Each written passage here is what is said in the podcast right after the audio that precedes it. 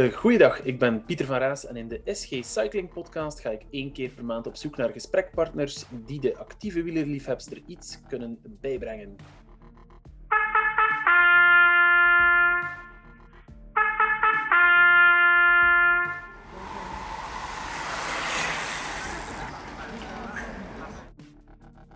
In deze pilootaflevering ga ik in gesprek met Timmy Klaes, master in de bewegingswetenschappen, personal trainer en entertainer bij To Be Ultra. Dag Timmy, welkom in onze podcast. Dag Pieter, leuk hier te zijn. Heel fijn. Het was uh, natuurlijk nog leuker geweest als ze samen in de studio konden zitten, maar uh, dankzij corona doen we het even gezellig uh, online. Geluk dat we nog de mooie connectie hebben, hè. dus lang leven het internet. Zeer fijn dat we elkaar op deze manier toch kunnen bereiken. Timmy, als personal trainer ben je met diverse sporten bezig, een heel divers sportpalet. wat heb jij juist met fietsen? Voor mij is eigenlijk fietsen vooral een vorm van passie. Het is nooit mijn hoofdsport geweest, maar het is eigenlijk vooral een, een, vorm van passie die me de mogelijkheid geeft om naar buiten te gaan, om te genieten van de natuur. En eigenlijk ook een, een vorm op die manier te gaan ontspannen, terwijl dat we toch nog altijd aan het trainen zijn. Dat, en vooral uiteraard omdat ik personal trainer ben, ja, heb ik ook veel klanten die binnen het wielgebeuren zitten, recreatief en vroeger zelf hier en daar wat professioneler. Dus het is natuurlijk ook hoe dichter je erbij staat, hoe beter je erop kan inspelen. Dus fietsen is voor mij vooral buiten komen en ervaren en genieten. Het is eigenlijk een inspanning bij een ontspanning. Ja, absoluut. absoluut. Dat is heel fijn. En, uh, en heb jij zoal uh, mooie fiets, uh, fietservaringen achter de rug? Wat is jouw mooiste fietservaring tot nu toe? Ja. Ik ben eigenlijk vooral een mountainbiker, dus op dat gebied kom ik wel her en daar. Ik, ik richt me vooral dan zo de Ardennen, Vlaamse Ardennen, algemene Ardennen, om daar te gaan genieten. Ik ga niet zo ver naar het buitenland. Um, dus op dat gebied ben ik vooral mountainbiker om te genieten. Dat zijn tal van leuke ervaringen, maar eigenlijk de, de beste fietservaring, waar ik het allergrootste genot van heb gehad, was eigenlijk het begeleiden van mijn eigen vader, die voor zijn 70ste jaar, verjaardag, dat wij hebben begeleid, begeleid hebben op de Mont Ventoux. Uh, mijn vader heeft eigenlijk een achtergrond. Vroeger was dat een, een, echte toerist. Die heeft overal gefietst. Nog de klassieke goede toeristen die dagen met de fiets weg waren. En uh, heeft al beklimming gedaan. En dat eigenlijk ervan toe, ja, omdat hij daar zo'n beetje op zijn eigen ligt, had hij nooit gedaan. En op zijn 69ste uh, verjaardag waren we eens aan het babbelen over wat wil je nog allemaal doen. En toen gaf hij eigenlijk aan van, goh, weet je, eigenlijk één beklimming heb ik nooit in mijn leven gedaan. En dat was de Mont Ventoux beklimmen. En natuurlijk, ja, hij werd er in het jaar 70. Dat was mij ook direct als trainerverhaal van, maar ja, wat zijt je van plan? Wachten tot uw tachtigste? Want dat gaat er niet meer van komen dan. Hè. Dus zei, weet je wat, we gaan ons gewoon een jaar lang gaan fixeren op eigenlijk die beklimming. Want uiteraard, voor iemand dat 70 jaar wordt, dat is niet meer van dag op dag dat je gewoon naar boven klimt. Zeker niet, ja. Het voordeel was wel, is altijd actief gebleven. Dus het is niet dat hij volledig stil was gevallen, hij is altijd wel actief gebleven. Dus stukje voor zijn leeftijd was dat in orde. Maar enfin, we hebben ons al een jaar lang eigenlijk daarop gefixeerd. Uh, dat hebben we vooral gedaan via een indoor cycling systeem, want ik ben dus ook indoor cycle instructeur. Dat is ook een beetje een, een andere vorm van mijn passies, met het fietsen dan. Uh, hebben een jaar lang er eigenlijk op gefixeerd, hebben ook koortraining gedaan. Enfin, we hebben hem voorbereid om hem te trainen naar die beklimming van de Mont Ventoux. Ik had ook het genot dat ik zelf mijn nonkel mocht meenemen, die ook altijd met hem gefietst heeft en ook nog de Ventoux niet beklommen had en op dat moment 72 was. En nog een extra klant uh, van 64 hebben meegegaan. En we hebben dan die beklimming gedaan. En het was eigenlijk voor mij dan als zoon, om zo'n betekenis te kunnen geven aan je eigen vader, eigenlijk, dat was prachtig. Ik heb ook natuurlijk hier en daar, eh, opnieuw leeftijdsgewijs, niet te onderschatten, eh, iedereen dat er van toe beklommen heeft of weet over welke percentages dat we spreken, is dat het niet zomaar een klimmetje is om morgen op te rijden. En natuurlijk met zijn leeftijd heb ik hem hier en daar extra moeten ondersteunen. En als je dan op uh, dergelijke leeftijd jouw vader effectief kan helpen met een bepaalde bereik van doelstelling, dan, kijk, je hoort misschien zelf even aan mijn stem. Ik zou er bijna weer direct zo wat emotioneel van worden. Ja, um, mij, ja, dat was voor mij echt een, iets unieks. Dat, ik heb er ook een hele mooie foto van, die hangt daar groot uh, bij ons vader thuis zelf. Uh, waar ik hem in een bepaalde bocht, uh, je hebt er zo'n bocht die, ja, vraag me niet de namen exact allemaal. Ja, ik ken um, de Mont Ventoux ook niet zo goed, maar ja, ja, en die was zo stijl en je merkte, die, ik ging hem niet meer rondkrijgen. En dat is dan het moment dat je dan, ik, ik rijd er de hele tijd zo net naast, net achter, en dan kom je even, en even zo dat klein duwtje om hem toch weer hup, in die tred te houden. Letterlijk een duwtje in de rug. Ja, letterlijk een duwtje. En dan, ja, dan voelt je gewoon van, kijk, eigenlijk plotseling, hè, wat eh, als vader de bedoeling altijd is naar je eigen kinderen, want ik ben ondertussen ook hè, vader van twee kindjes, uh, en hij ervaart dat ook waarschijnlijk al nu hè, bij je eigen kind, van wat de betekenis als vader kan zijn om je kind hier en daar te helpen, Maar als je dan plots nog in je leven een keer het omgekeerde kunt betekenen, dat was echt voor mij effectief, ja, dat was eigenlijk de, de mooiste fietservaring als ik persoonlijk daaraan voel, was effectief eigenlijk het beklimmen van de Mont Ventoux en niet voor de beklimming van de Mont Ventoux op zich, maar voor het feit dat ik mijn eigen vader heb kunnen begeleiden helemaal naar die top. En dat gelukt is. Ik, uh, mijn levendig inbeelden. Ik, uh, ik uh, zie het zo voor me dat het een heel emotioneel moment was, het bereiken van die top. Ja, absoluut, absoluut. Het, was, het leuke was ook, mijn broer was er dan ook bij, want ik heb één broer en die is ook meegaan. Die heeft dan ook begeleid met de auto, voor als het iets zou misgaan. Allee, dat is dan leuk als je dan eigenlijk als familie toch nog zoiets voor elkaar kunt betekenen na zoveel jaren. Want uiteindelijk, de dag van vandaag, het social distance verhaal die we overal zien, is moeilijker en moeilijker. Maar dat wij toch ook allemaal kunnen meemaken hebben en nog kunnen doen, dat, dat, is een, een ja, dat ga ik nooit vergeten en dat was prachtig. Fantastisch.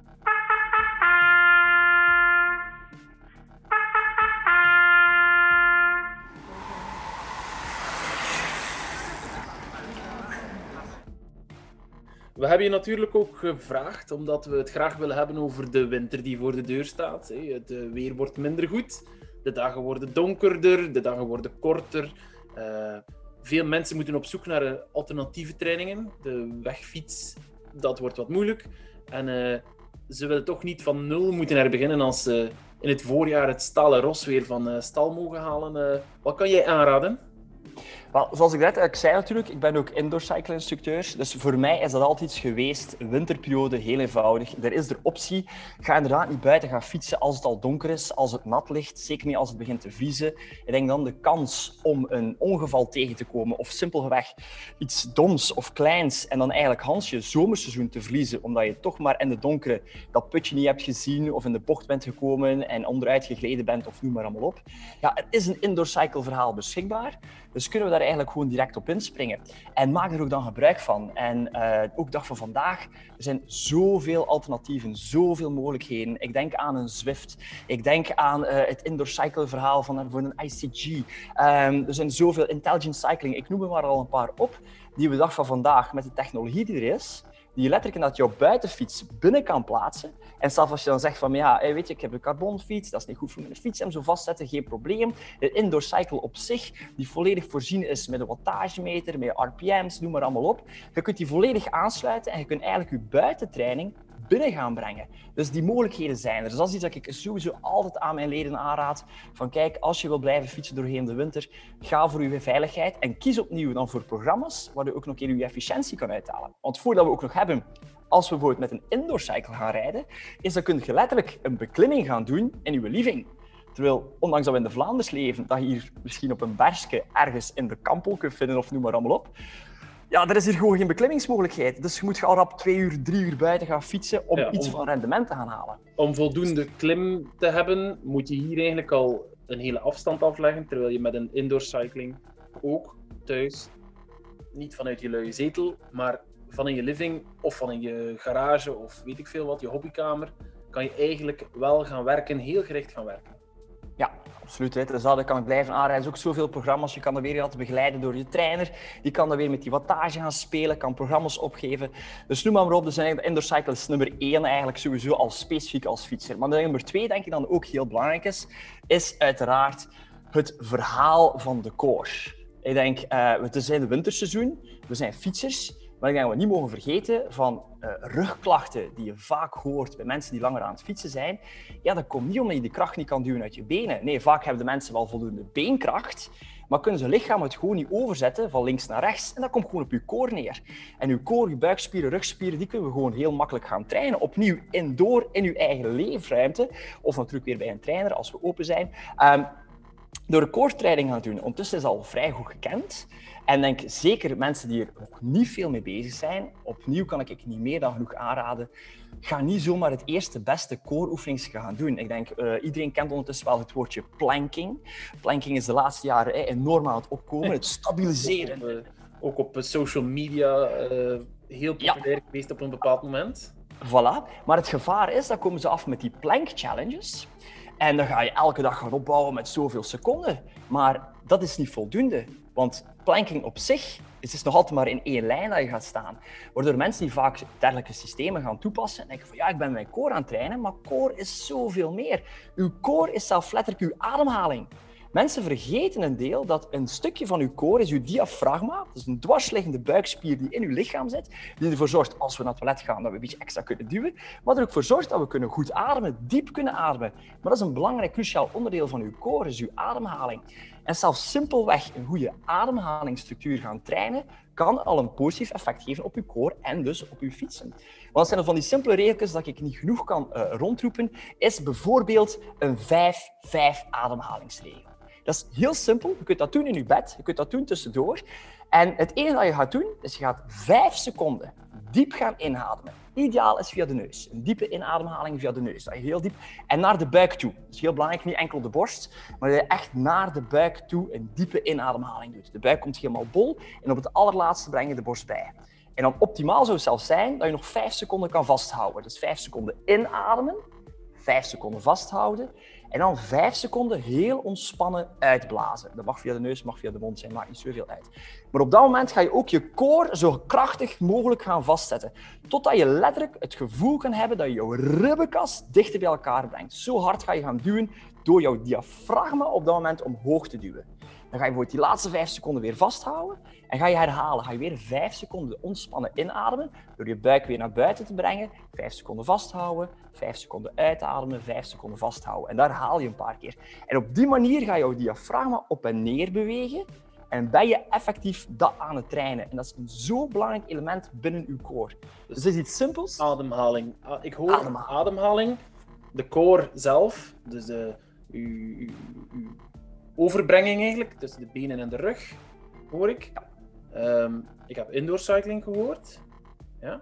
Zijn er nog dingen die, die, die, die, die dan kunnen gedaan worden, bijvoorbeeld? Ja, ik denk uiteraard, als we dan gaan denken, dat is dan de volgende stap eigenlijk, um, is naar het meer holistische aanpak. Dus inderdaad, we willen, als we gaan kijken in indoor cycling, wat gaan we vooral gaan doen, is een vorm van intervalstructuur. We gaan binnentrainen op weerstand. Als we net zoals we net aangaven, core training, wat gaan we gaan doen, is een stabiliteitstraining. En natuurlijk heb ik daarnet al even die ademhaling aan toegeworpen, die belangrijk is voor je algemene energiestructuur. Dus je hebt hier eigenlijk drie verschillende elementen. Je hebt een intervalverhaal, die is vooral eigenlijk op je spieren op zich gaan werken, een vorm van kracht. Je hebt een stabilisatieverhaal, die belangrijk is voor je eigen mooi te stabiliseren en te controleren. En hebt een energetisch verhaal, want als je geen energie krijgt, simpelweg is het gedaan. Zuurstof is van belang voor onze energie. Nu, het unieke eraan is, of het leuke eraan is, is we kunnen die drie ook gaan combineren. En daar ben ik zelf een beetje de enige op dit moment in België enorm mee bezig, maar het bestaat al eeuwenlang. En dat is de zogenaamde MACE-training. En als ik daar even mag op ingaan, MACE-training, dat is altijd wel tof om daar even over te babbelen, want dat is ook een van mijn MACE-training, daar heb ik uh, heel weinig van gehoord, heel weinig kaas van gegeten. Um, leg ons uh, even uit wat je bedoelt. Ja, meestraining is, is iets unieks. Hè. Eigenlijk, het bestaat dus al eeuwenlang. Als we terugkijken naar de geschiedenis, letterlijk al van het Hindoeïsme, is er al een god Hanuman die zich afgebeeld werd met een gada. Want in India is dat een traditioneel trainingstoel. Een, wat? Een? Een gada. Ja, en wat moet ik me daarbij inbeelden? Mensen hebben natuurlijk geen beeld, dus dat is misschien uh, belangrijk om even uh, te verduidelijken. Inderdaad, simpelweg is het een stok met een knots aan. En als we terugdenken aan de middeleeuwen, kunnen we denken aan onze goede dag. Ik denk eerder aan de oertijd bij de knots, maar uh, middeleeuwen, oké, een, een goede dag. Dus, uh, een goede dag. Een, een, een, stok in met een, een bol op het einde. Dus, ja, ja een bol, een grote tennisbal of een... ja, zoiets kunt je vergelijken. formaat zo. Uh, ja, ja. Het er een tal van varianten van. Uh, die gaan letterlijk van een basis van een kilootje 4 kilo, maar je hebt gadas tot 70 kilo. Dus waar je gewoon een houten staaf hebt, een houten dikke bamboestok, waar er dan een bal aan hangt, en dat kan natuurlijk een vrij grote zijn, die letterlijk tot 70 kilo kan gaan. Ja. Nu, het verhaal dat erachter zit, is dus enerzijds was het een wapen, letterlijk een wapen van de god Hanuman, die dan gebruikte voor demonen te verslaan en noem maar allemaal op. Maar in India is dat altijd gebruikt geweest en nog altijd als een traditioneel trainingstoel. En waarvoor? Eigenlijk vooral voor de worstelaars. Want als je een 360, 360 graden met zo'n gada rond jou draait, dus achter jouw rug terug naar voren, achter jouw rug terug naar voren en rond laat zwaaien, ga je eigenlijk een gelijkaardige beweging activeren, zoals je iemand zou nemen en die over jouw rug werpt, gelijk in het worstelen. Natuurlijk, als je iedere keer aan iemand zou vragen van hey, ik wil hier even uh, mijn werptechnieken oefenen en ik ga hier een keer 30 keer over mijn schouder werpen, ja, die ander gaat dat niet zo leuk vinden, denk ik. Ja, klinkt inderdaad niet zo. Ik zou mezelf niet kandidaat stellen. Geen kandidaat stellen. ja. Dus dat voor zo'n gade inderdaad interessant kan zijn. Nu, ze gebruikt ook, zoals ik zei, traditioneel zijn er heel veel verschillende technieken. Enfin, lang verhaal kort, is dat een beetje verloren gegaan in onze westerse wereld, hè, met de opkomst van de klassieke fitness, waar we ons eigenlijk gaan gaan richten op vaste toestellen. Dus enerzijds net wel veilig zijn, maar dus om terug te komen op ons core-verhaal, waardoor we eigenlijk onze core totaal niet meer moeten activeren. Want als we bijvoorbeeld zeg maar iets, in een legpress gaan zitten, gaan we onze rug gaan ondersteunen. Als we op een latpool hè, voor de rugspieren die we naar beneden gaan trekken, gaan zitten, gaan we op een mooie rechte bank gaan zitten en dan naar beneden trekken. Vaak zelfs nog met een riemke eraan om te maken dat we mooi gestabiliseerd zijn.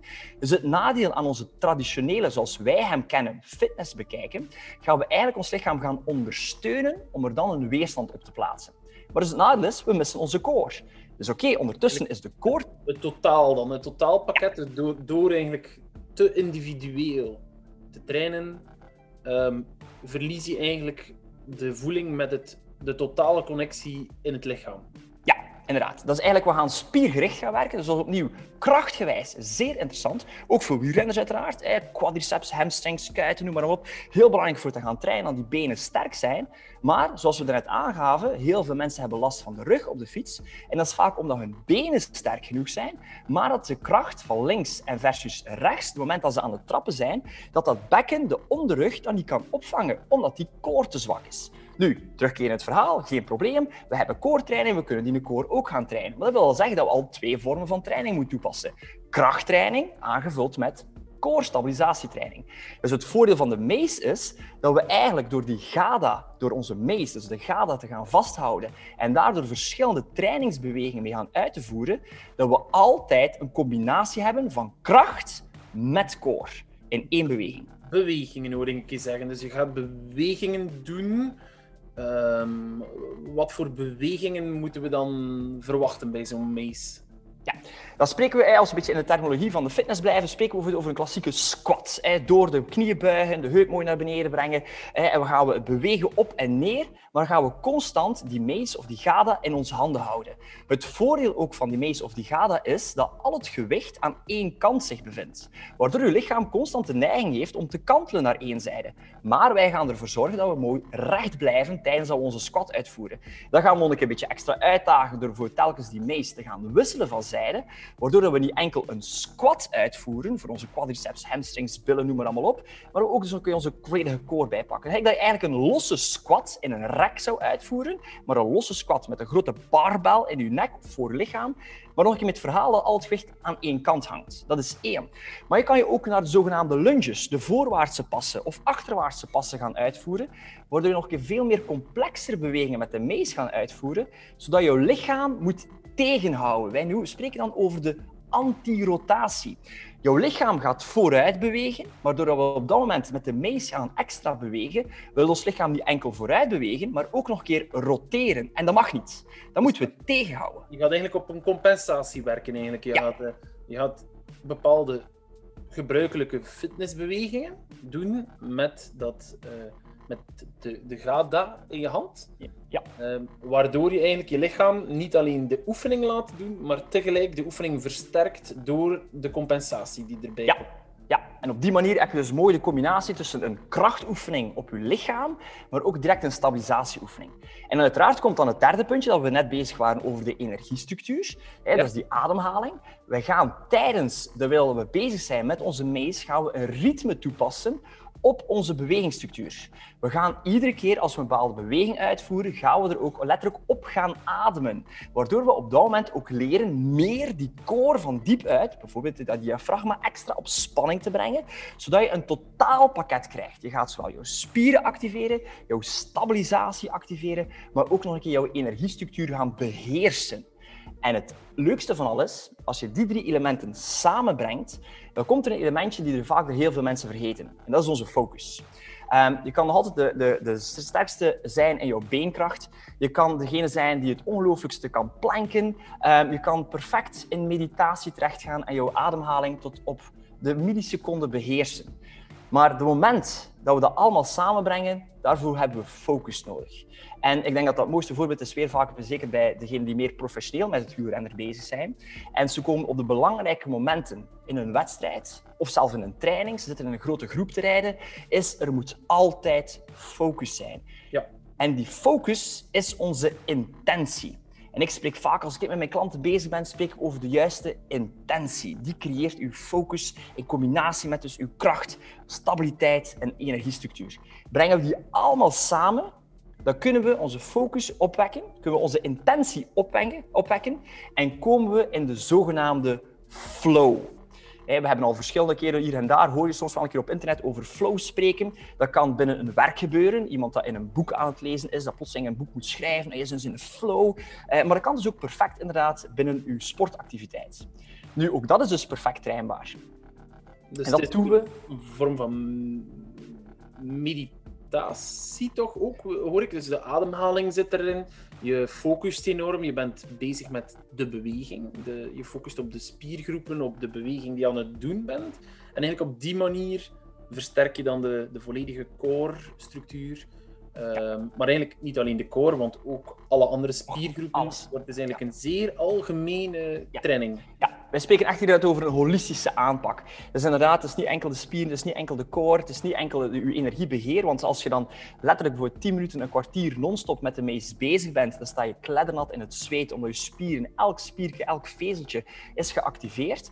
Maar door inderdaad naar meer die meditatieve vorm te gaan, en daarom ook dat wij, de, manier die ik hem ook uitvoer, wij de Steel Mace Flow training noemen. Steel Mace Flow, we gaan met de Steel Mace naar flow gaan, gaan we inderdaad ook een vorm van meditatie integreren binnen onze training, waardoor onze focus ook geprikkeld wordt. Nu, het voordeel is, als wij dat meer toepassen in training, gaan we dus ook tijdens training daar makkelijker in geraken. We gaan makkelijker ervaren, ah, wij komen in flow. Op het moment dat je in flow komt, heb je ook de mogelijkheid, door voor vrijzetting van onder meer dopamine, en dopamine een goed gevoelshormoon, dat gaat dan weer een prikkeling geven naar adrenaline, wie dan weer uw energie gaat gaan sturen eigenlijk. Die worden allemaal mooi samen gecombineerd, waardoor dus letterlijk meer energie krijgt in jouw training.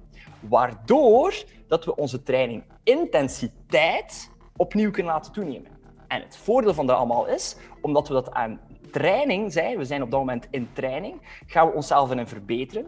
En als we dan op een moment komen dat we bijvoorbeeld wielrennen gebeuren, we zitten op de laatste eh, twee kilometer, er is heel veel beweging in het peloton, er is wel zenuwachtigheid, dan ga jij op dat moment als fietser, ben je volop bezig met jouw kracht, je omwentelingen, je wattages worden geproduceerd, je bent met je kracht. Maar je weet ook, je zit in een, heel, een peloton die constant aan het verschuiven is, je core stability is zeer belangrijk. Het minste tikje dat je krijgt dat je niet kan opvangen, bam, en iedereen valt omver. Dus je core wordt ook indirect geactiveerd. Uiteraard omdat je weet van, ja, maar straks gaan we hier een sprint uithalen. Uw ademhaling is van belang. Want als je op dat moment vergeet te ademen, ja, dan is je energie op tegen je aan de sprint zit. Dus eigenlijk als je hoort, ik ben alles aan het herhalen wat we net gedaan hebben. Maar dan komt het belangrijkste puntje. Wanneer kiest je voor die jump? Wanneer kiest je dat moment van, yes, nu ga ik? Of wanneer heb je het gevoel van, oké, ik kan niet als je in flow bent. Dus het voordeel is, door met die meest te gaan trainen, gaat je dan de hele tijd weten van ik ben in flow. Je lichaam ervaart, want dat is ook het mooie dat we vaak allemaal vergeten. Ons lichaam ziet niet. Ons lichaam weet niet wat er gebeurt. Het enige dat ons lichaam doet, is een interpretatie van hetgeen dat het ervaart. Dus op dat moment, als jij dat getraind hebt in je flow met je mees en je zit op je fiets, gaat dat eigenlijk op dat moment voor je lichaam exact hetzelfde zijn, gelijk dat je in een veilige omgeving, in je eigen trainingsruimte, bijvoorbeeld met die mees aan het trainen bent. Dus in principe gaat het erom dat je je aanvoelt, dat je energie aanvoelt en dat je weet van dat je daardoor eigenlijk meer kan uit je lichaam halen, omdat je de energie kanaliseert en Ja. Goed gebruikt en, en de juiste spiergroepen stuurt en de, op, op het moment dat het nodig is de juiste actie kan ondernemen, omdat je door die training, die niet alleen een, een eh, fysieke training is, maar ook een men- mentale training is, kan je eigenlijk jezelf gaan verbeteren en ervoor zorgen dat als de winter voorbij is en je gaat op die fiets, dat je eigenlijk klaar bent, dat je, dat je heel snel voelt, kan voelen eh, na een aantal trainingen op de fiets al terug, dat je ook die flow, die, die actie op de fiets kan gaan brengen. Ja, ik denk dat we niet mogen vergeten, zoals ik net zei, ons lichaam zien niet. Ons lichaam is gebaseerd op zenuwbanen. Ons lichaam gaat vanuit onze hersenen, vanuit ons ruggenstelsel, ons ruggenmersysteem. Van, wij hebben een zo een prachtig systeem dat geëvolueerd is, al, al, meer dan 2,5 miljoen, dat we lopen gelijk dat we nu lopen. Um, we, dat is, ons lichaam vergeet ook niet. En dat vergeten we dan soms wel. We zijn ons eigenlijk maar ongeveer een 3 à 5 procent bewust al de rest gebeurt onbewust. Als ik u nu vraag van, ja, maar ja, zei hij aan het ademen? Je moet daar niet over nadenken. Ga even misschien denken van, ah ja, ja, ik adem. Maar als ik dan vraag aan u, ja, maar hoe zijt je aan het ademen? Dan denkt je van, ja, dat gaat toch automatisch? Ja, dit gaat belangen niet automatisch. Wij moeten ademen. Wij zijn bij de weinige zoogdieren dat kunnen kiezen wanneer dat we ademen. Dus ons lichaam moet zelf beslissen wanneer dat hij zuurstof gaat opnemen. Maar dat is zo met al onze bewegingen. Ons tanden poetsen, wie denkt er als volwassene, een plus 12 jaar, laten we zo zeggen, denkt er nog na om zijn tanden te poetsen? Zeker natuurlijk met die automatisatie is het helemaal geen probleem. Maar het is een heel complexe handeling, maar we moeten er meer over nadenken. Waarom niet? Omdat we hebben het aangeleerd. Ons neuromusculair systeem herkent het. En dat is hetgeen inderdaad we net aangeven. Als je de winter lang door blijft trainen en gaat dergelijke elementen in je training gaan integreren, dan komt je na de winter uit je training, je stapt op je fiets, maar eigenlijk voor je lichaam verandert er niet zoveel. Want opnieuw, je lichaam weet niet dat hij op dat moment op een fiets stapt. Je lichaam gaat gewoon ervaren van, hey, jij vraagt aan mij om opnieuw kracht te produceren. Ah, maar dat heb ik van de winter geleerd op een optimale manier, gestabiliseerde manier, op de juiste intensiteit, noem maar allemaal op.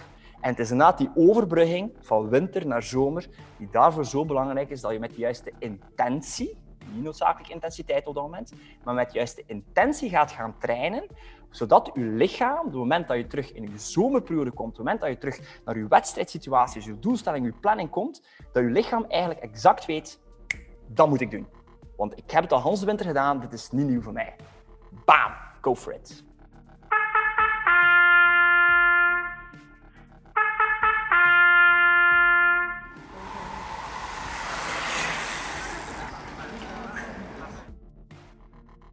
Dat was een beetje het fysieke van de dingen. De, de winter doorkomen, uh, de schade beperken in feite, want daar gaat het hem een beetje om. Mensen proberen de schade te beperken. In dit verhaal hoor ik precies dat het zelfs kan gaan om winst tegenover uh, schade beperken, wat super cool is natuurlijk. Maar um, we hebben het al een deel aangeraakt met die meestraining. Maar, maar natuurlijk, het blijft, uh, blijft altijd zo dat het in de winter ook moeilijker is voor mensen, heb ik de indruk. Uh, mensen, dan heb je een indoorfiets of uh, dan is er een personal trainer of een uh, fitnessabonnement of zoiets. Maar mensen kunnen zich ook moeilijker motiveren om, om erin te stappen. In de winter is die mindset vaak anders dan het voorjaar, de zomer, waarin er ja, mooie weer, mensen, mensen worden precies ook wat gemotiveerd door dat mooie weer. Um, wat kan je aanraden aan de mensen om, om hun motivatie om te blijven bewegen hoog te houden. Ja, ik denk, je zegt zelf, hè, dat is het woordje mindset. Hè. Nu, het voordeel is, het voorbije jaar, zeker langs lang levende lockdowns op die manier, um, komt mindset meer en meer te boven. Het is ook belangrijk. Nu, Mindset training is, is het hot van hot antwoorden. Dat is de next level coaching die we naartoe gaan. Is inderdaad niet enkel meer het fysieke gaan trainen, maar dus ook de volledige integratie. Hetgeen daar net over bezig waren, het holistische verhaal, is van inderdaad je mindset bij te brengen. Nu, hoe kunnen we inderdaad ervoor zorgen dat we tijdens de winterperiode ons meer kunnen gaan motiveren? Wel, eigenlijk begint het simpel. Je plant gewoon je zomer. En zeker naar de fietsers toe is dat eigenlijk van, oké, weet je wat? Wat wilt je van zodra dat je weer buiten op een fiets kunt gaan rijden, wat wilt je doen? Is dat één, een bepaalde rit voor de recreatieve rijders. Is dat ik wil nog een keer naar het buitenland, ik wil die beklimming gaan doen, of ik wil dit, of ik wil dat. Wilt je dat doen? Ja, plan het. Maar zeer concreet. Spreek het uit. Ja, doelstelling. Ja, echt een doel stellen en daar al op focussen. Ja. De gegeven omstandigheden maken het niet makkelijk om te plannen natuurlijk. We zitten in een heel moeilijke ding. Het is moeilijk te weten van... Ja, kan ik bijvoorbeeld in april de Ronde van Vlaanderen voor wielertoeristen gaan rijden. Veel mensen twijfelen eraan, dus het blijft wel wat moeilijker. Maar ik begrijp wel heel goed, je zegt, stel jezelf wel een doel en probeer dan naar dat doel toe te werken. Maak ja. van de, de tijd tussen nu en dat doel een volledige voorbereidingsfase. Dus een, ja, ja. Ja, absoluut. Ja, want hij zelf zegt, en zelf dat eigenlijk. Hè. Ik, ik, ben nu ook een eigen ondernemer. Hè. Ik ben personal trainer. Mijn studio is nu op dit moment gesloten. Ondanks dat ik één op één coaching doe, we mogen niet, we worden niet erkend als medisch. Nu, voor mij zou het inderdaad makkelijk zijn om dan ook te zeggen van, goh ja, hè, het is misschien te vroegste in januari dat we open kunnen gaan, dus weten, ja, daar gaan we. Maar voor hetzelfde duurt het langer, voor hetzelfde wie weet wat gebeurt er. Maar inderdaad, dat is opnieuw de mindset. Als je ervan uitgaat dat het niet gaat gaan, als je ervan uitgaat dat het niet gaat lukken, ja, dan is de kans heel groot dat het niet gaat lukken. Maar als je ervan uitgaat dat het wel gaat lukken, als jij zegt van weet je, ik ga voor dat punt, ik ga door, ik doe die doelstelling, ik planmatig, ik spreek het uit. En daarom het nu belangrijk is, je moet het letterlijk uitspreken. Je kan dat doen door letterlijk je ticket te kopen, maar je kan het ook gewoon doen door bijvoorbeeld op Facebook, op Instagram, op social media een post te plaatsen van hey, ik ga op uh, eh, 15 april inderdaad bijvoorbeeld de Ronde van Vlaanderen rijden, willen of niet, gaat die niet georganiseerd door. Dan doe ik hem op mijzelf, want we mogen nog altijd buiten gaan sporten. Natuurlijk, je mag nog altijd fietsen. Dus... Voilà. En eigenlijk dus is... hoor ik je zeggen, deel je doel.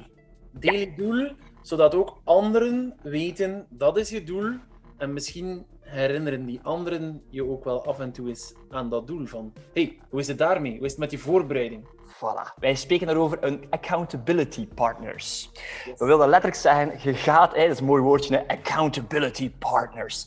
Je wil letterlijk een, een community genereren, mensen rondom u genereren. Eh, dat kan soms direct een coach zijn, maar kan net gewoon een vriend zijn, dat kan een partner zijn, dat maakt niet uit. Of gewoon iemand op social media die net plotseling zegt, gelijk dat zelf aangeeft, hey, hoe ver sta je met jouw training om dat doel te halen? En dat kan eigenlijk een ideale motivatie zijn om dan toch verder te doen, toch te zeggen van, kom aan, ik wil het. Sociale controle toch een beetje ergens, hè? Absoluut.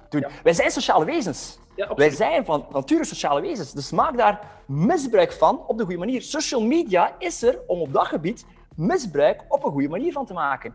Maar durf het uitspreken.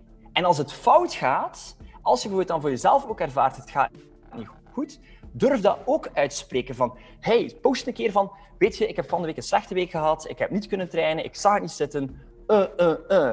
Met een beetje geluk, en dat geluk is er bijna altijd, gaat er wel iemand reageren van, hey, geen zorgen, morgen een nieuwe dag, let's go, jij kan dit. En dat kan al direct motivatie voor zorgen om opnieuw te plannen.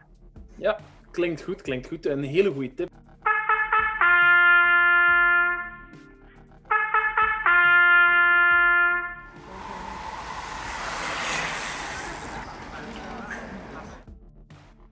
Misschien toch ook uh, nog even een heel klein zijsprongetje om af te sluiten. Hè. We hebben gehad training. Hè. Dat is uh, één heel groot blok. Dat is natuurlijk de basis, de training, denk ik. Uh, vooral voor de fietsers en de mensen die hier geïnteresseerd zijn. Um, dan hebben we het ook even gehad over het mentale. Mensen moeten zich mentaal ook kunnen opladen. Wat een heel, heel goede tip was. Maar dan heb je ook nog een derde tip waarschijnlijk, of een derde pijler. Ehm, namelijk de voeding. Ehm, ik ga er ook vanuit dat voeding ook wel een deeltje uh, een, een, impact kan hebben. Heb jij uh, één gouden tip, een, een hele goede tip, uh, waarmee mensen misschien toch wel die voorbereiding net dat beetje beter door kunnen komen?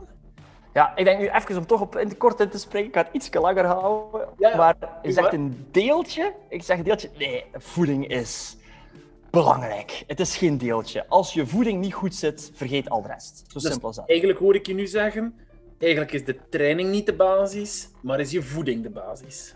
Ja, voeding is onze basis. Er is het gezegde, je bent wat je eet. Iedereen heeft dat al gehoord. Het is zo. Onze cellen worden constant vernieuwd. Onze cellen hebben constant nood aan nieuwe energie, aan nieuwe, nieuwe voedingsstoffen. Wat wij er van bovenin steken, dat heeft ons lichaam nodig om te bouwen. Steken we niet het goede erin, dan gaat ons lichaam ook gewoon niet goed bouwen. Hebben we nood aan energie, maar steken we lege calorieën in, dan krijgen we geen energie. Hebben we nood aan nutriënten voor bijvoorbeeld sterkere botten te creëren, maar zitten er geen vormen van nutriënten in, dan gaan we ook gewoon geen sterkere botten creëren. Hebben we spieropbouw nodig? Hebben we de klassieke vorm van proteïnes nodig? Neemt je die niet op, dan gaat je geen spieropbouw hebben. Zo simpel is het. Jij mag doen wat je wilt. Zelf uw focus, uw mindset, heb je allemaal energie voor nodig. Is die er niet via je voeding, dan gaat het gewoon niet komen. Dus eigenlijk wat ik daar als gouden regel kan geven, is eigenlijk heel simpel. We zijn op een niveau gekomen waar dat de meeste mensen, letterlijk de meeste mensen, als we terugdenken, zoals ik net al een keer aangaf, twee miljoen, 2,4, 2,5 miljoen jaar lang leven wij al als jager-verzamelaar in de manier dat we zijn. Er zijn natuurlijk sommige mensen zeggen, ja, we spreken al over de mens voor meer dan 5 miljoen jaar. Is afhankelijk van de type dat je wil gaan bekijken wat de mens is. Maar als we gaan kijken, wij noemen dat spreken over de evolutiekloof. Twee miljoen jaar en half geleden waren we jager-verzamelaar. Elke dag moesten we opstaan, moesten we ons voedsel gaan halen, moesten we het gaan verzamelen, we moesten er iets voor doen. We hebben eigenlijk maar een 10, 15.000 jaar geleden zijn we gestart met de agricultuur, waar we plotseling konden kiezen wat we willen eten. Dus 10.000, 10, 15.000 jaar geleden, als je dat op een lange tijdlijn zet, 2 miljoen half jaar geleden, moesten we nog zelf gaan zoeken, een lange periode, altijd, elke dag, op zoek gaan naar ons voedsel. Pas 10, 15.000 jaar geleden kregen we plotseling de mogelijkheid om ons voedsel zelf te kiezen. En daar is het eigenlijk beginnen misgaan. Eh, want dan, natuurlijk is het logisch dat je dan kiest voor de, zoete watermeloen en niet voor uh, het bittere kool, zeg maar iets. Hè. Dan zijn we eigenlijk misgaan beginnen kiezen. Maar als we terugdenken, maar een 300 jaar geleden is ijs uitgevonden die we kunnen opeten.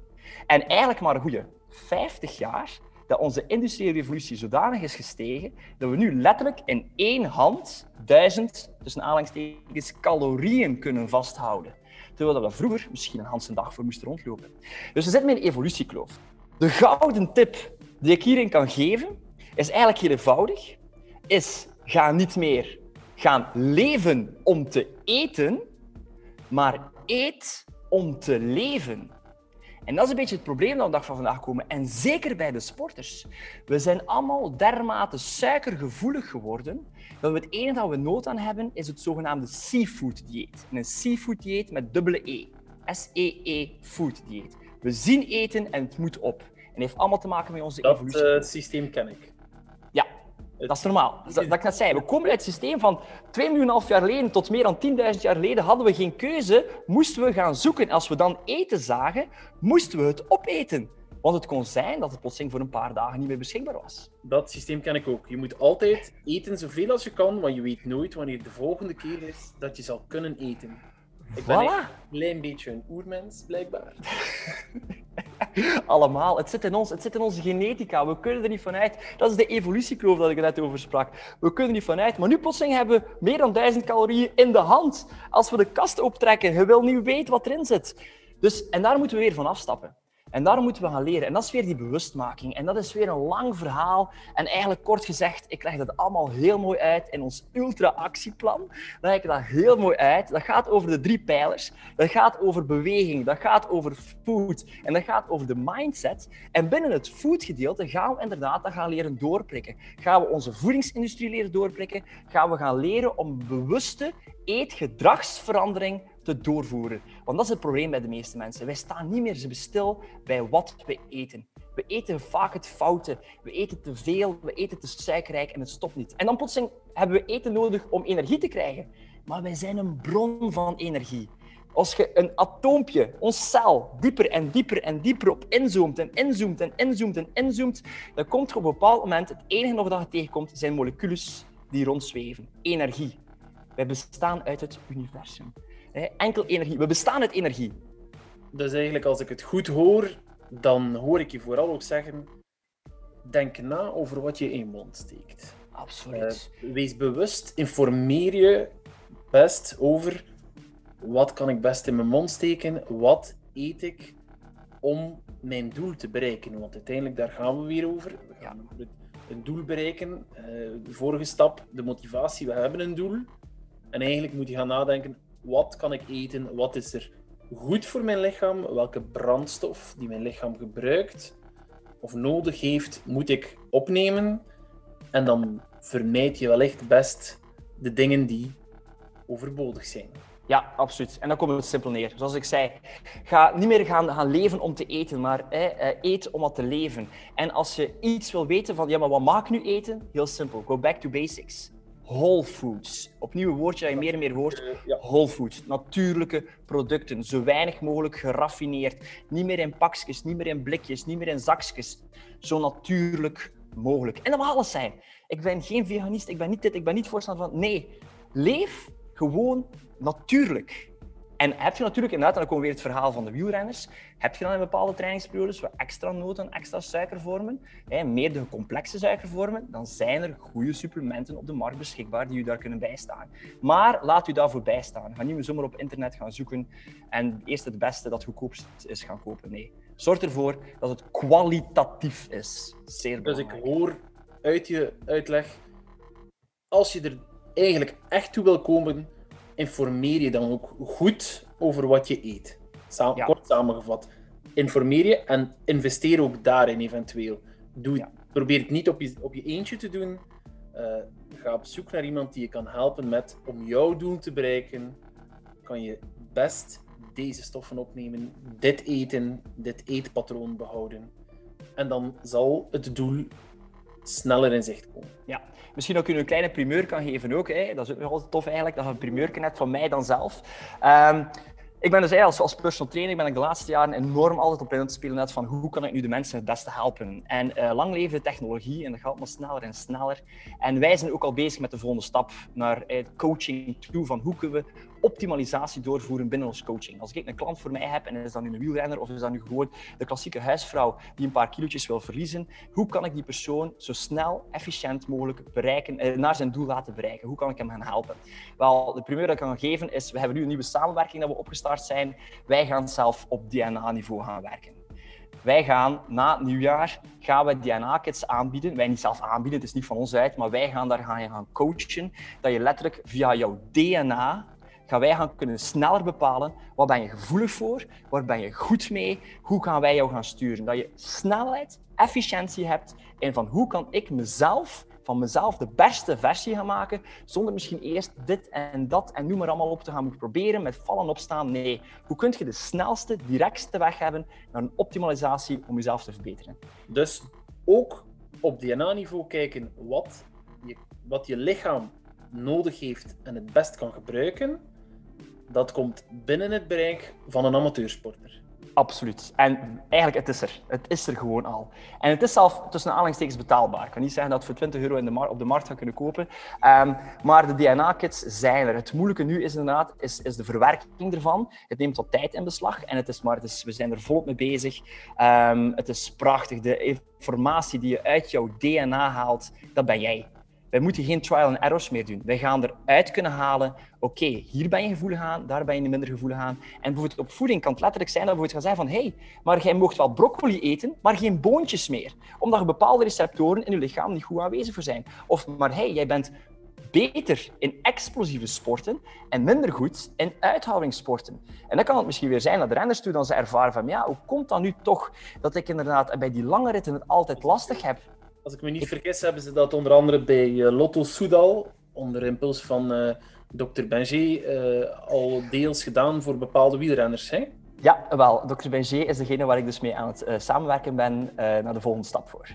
Dat dus inderdaad, ja, hij is bezig, enorm bezig met DNA-testing. Um, en inderdaad, dat is prachtig wat er op ons afkomt. De toekomst op dat gebied staat heel mooi. En ik denk als we op die manier inderdaad kunnen te werk gaan, dan gaan we de mensen nog sneller kunnen helpen, nog efficiënter. Maar opnieuw, gelijk dat je zelf ook aangaf, laat je bijstaan door de juiste professionele mensen. Ja, want Dr. Google is dit in deze ja. een goed idee, want ik ga ervan uit dat je, ken jezelf dan een beetje, dat je als je uh, op Google gaat zoeken, dat je vooral de dingen leest die je graag wil lezen. Ehm, met als gevolg dat je bepaalde zaken, waarschijnlijk essentiële zaken, iets wat links kan laten liggen. En ehm, met als gevolg dat je dan voedingstekorten of uh, ondervoeding zelfs tot uh, ja. ding toe kan gaan. Um, dus uh, dat is een hele, hele goede tip alleszins. en en dat, dat, ik denk dat dat ook mooi samenvat. We hebben heel, drie heel mooie pijlers besproken. het sportieve, gewoon blijven bewegen heb ik genoteerd. Indoor eventueel waarschijnlijk ook gewoon uh, op de fiets buiten als het mooi weer is. Als het doen mag het gewoon buiten. Maar blijf bewegen hoor ik je zeggen. Um, je motiveren en doelen stellen uh, noteer ik als een, een hele goede tip. Um, en ik noteer ook dat uh, gewoon goed zorgen dat je ook goede voeding tot jou neemt. de juiste voeding, niet te veel, niet te weinig. Um, en dat je op die manier eigenlijk fantastisch de, de winter door kan komen en eigenlijk, eigenlijk al met al half gewonnen, nee, wat, zoals ze zeggen, goed begonnen is half gewonnen, dat je dan eigenlijk al nu begint aan je training tot je doel volgend jaar. Absoluut. We zijn geëvolueerd tot de mens die we zijn en we zijn een pak sterker dan we allemaal denken. We hebben nog nooit in zo'n mooie tijd geleefd, eh, ondanks COVID-maatregelen en noem maar allemaal op. Maar als we denken naar de beschikbaarheid van internet, naar de veiligheid tussen aanhalingstekens die er momenteel is, naar de luxe die we hebben, wij zijn nog altijd mens.